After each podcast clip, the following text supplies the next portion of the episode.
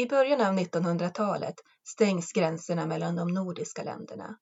Unionen mellan Sverige och Norge upplöses 1905 och 1919 undertecknas renbeteskonventionen mellan Sverige och Norge. Den reglerar och begränsar renbetet mellan de olika länderna, vilket i sin tur gör att många svenska samer förlorar sitt sommarrenbete mot den norska sidan av gränsen.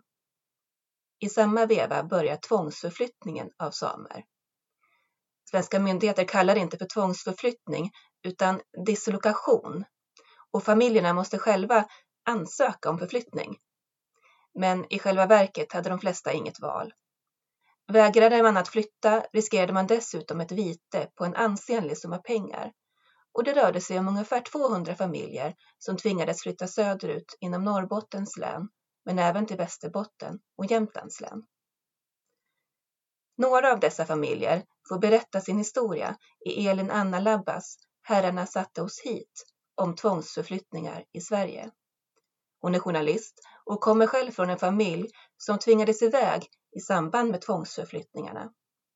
Under åren har hon intervjuat människor som förflyttats, deras barn och barnbarn.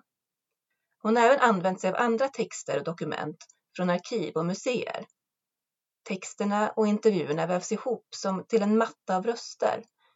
Och en av dessa röster tillhör kvinnan på omslagsbilden, Dilla More, som med sin man, sina sju söner och barnet hon bär i magen tvångsförflyttas till Sirges sameby 1923.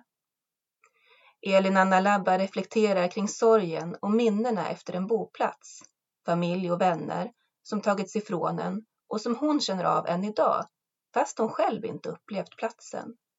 Får man känna sorg då? Jag tänker att det här hänger ihop med den stora problematik där ursprungsbefolkningar ifråntas sina rättigheter och behandlas illa även i andra delar av världen. Hur förhåller vi oss till det? Hur länge ska man känna ilska, sorg eller skam? När har man, har man betalat tillbaka? Och när har rättigheterna återställts? Går det ens? Det är svåra frågor som författaren resonerar kring. Herrarna satte oss hit tilldelades Augustpriset 2020 för årets svenska fackbok. Det är en vackert formgiven bok som inte bara ger röst åt en grupp människor som vid den tiden det hände inte fick den möjligheten, utan även skildrar den samiska historien och kulturen på ett fint sätt.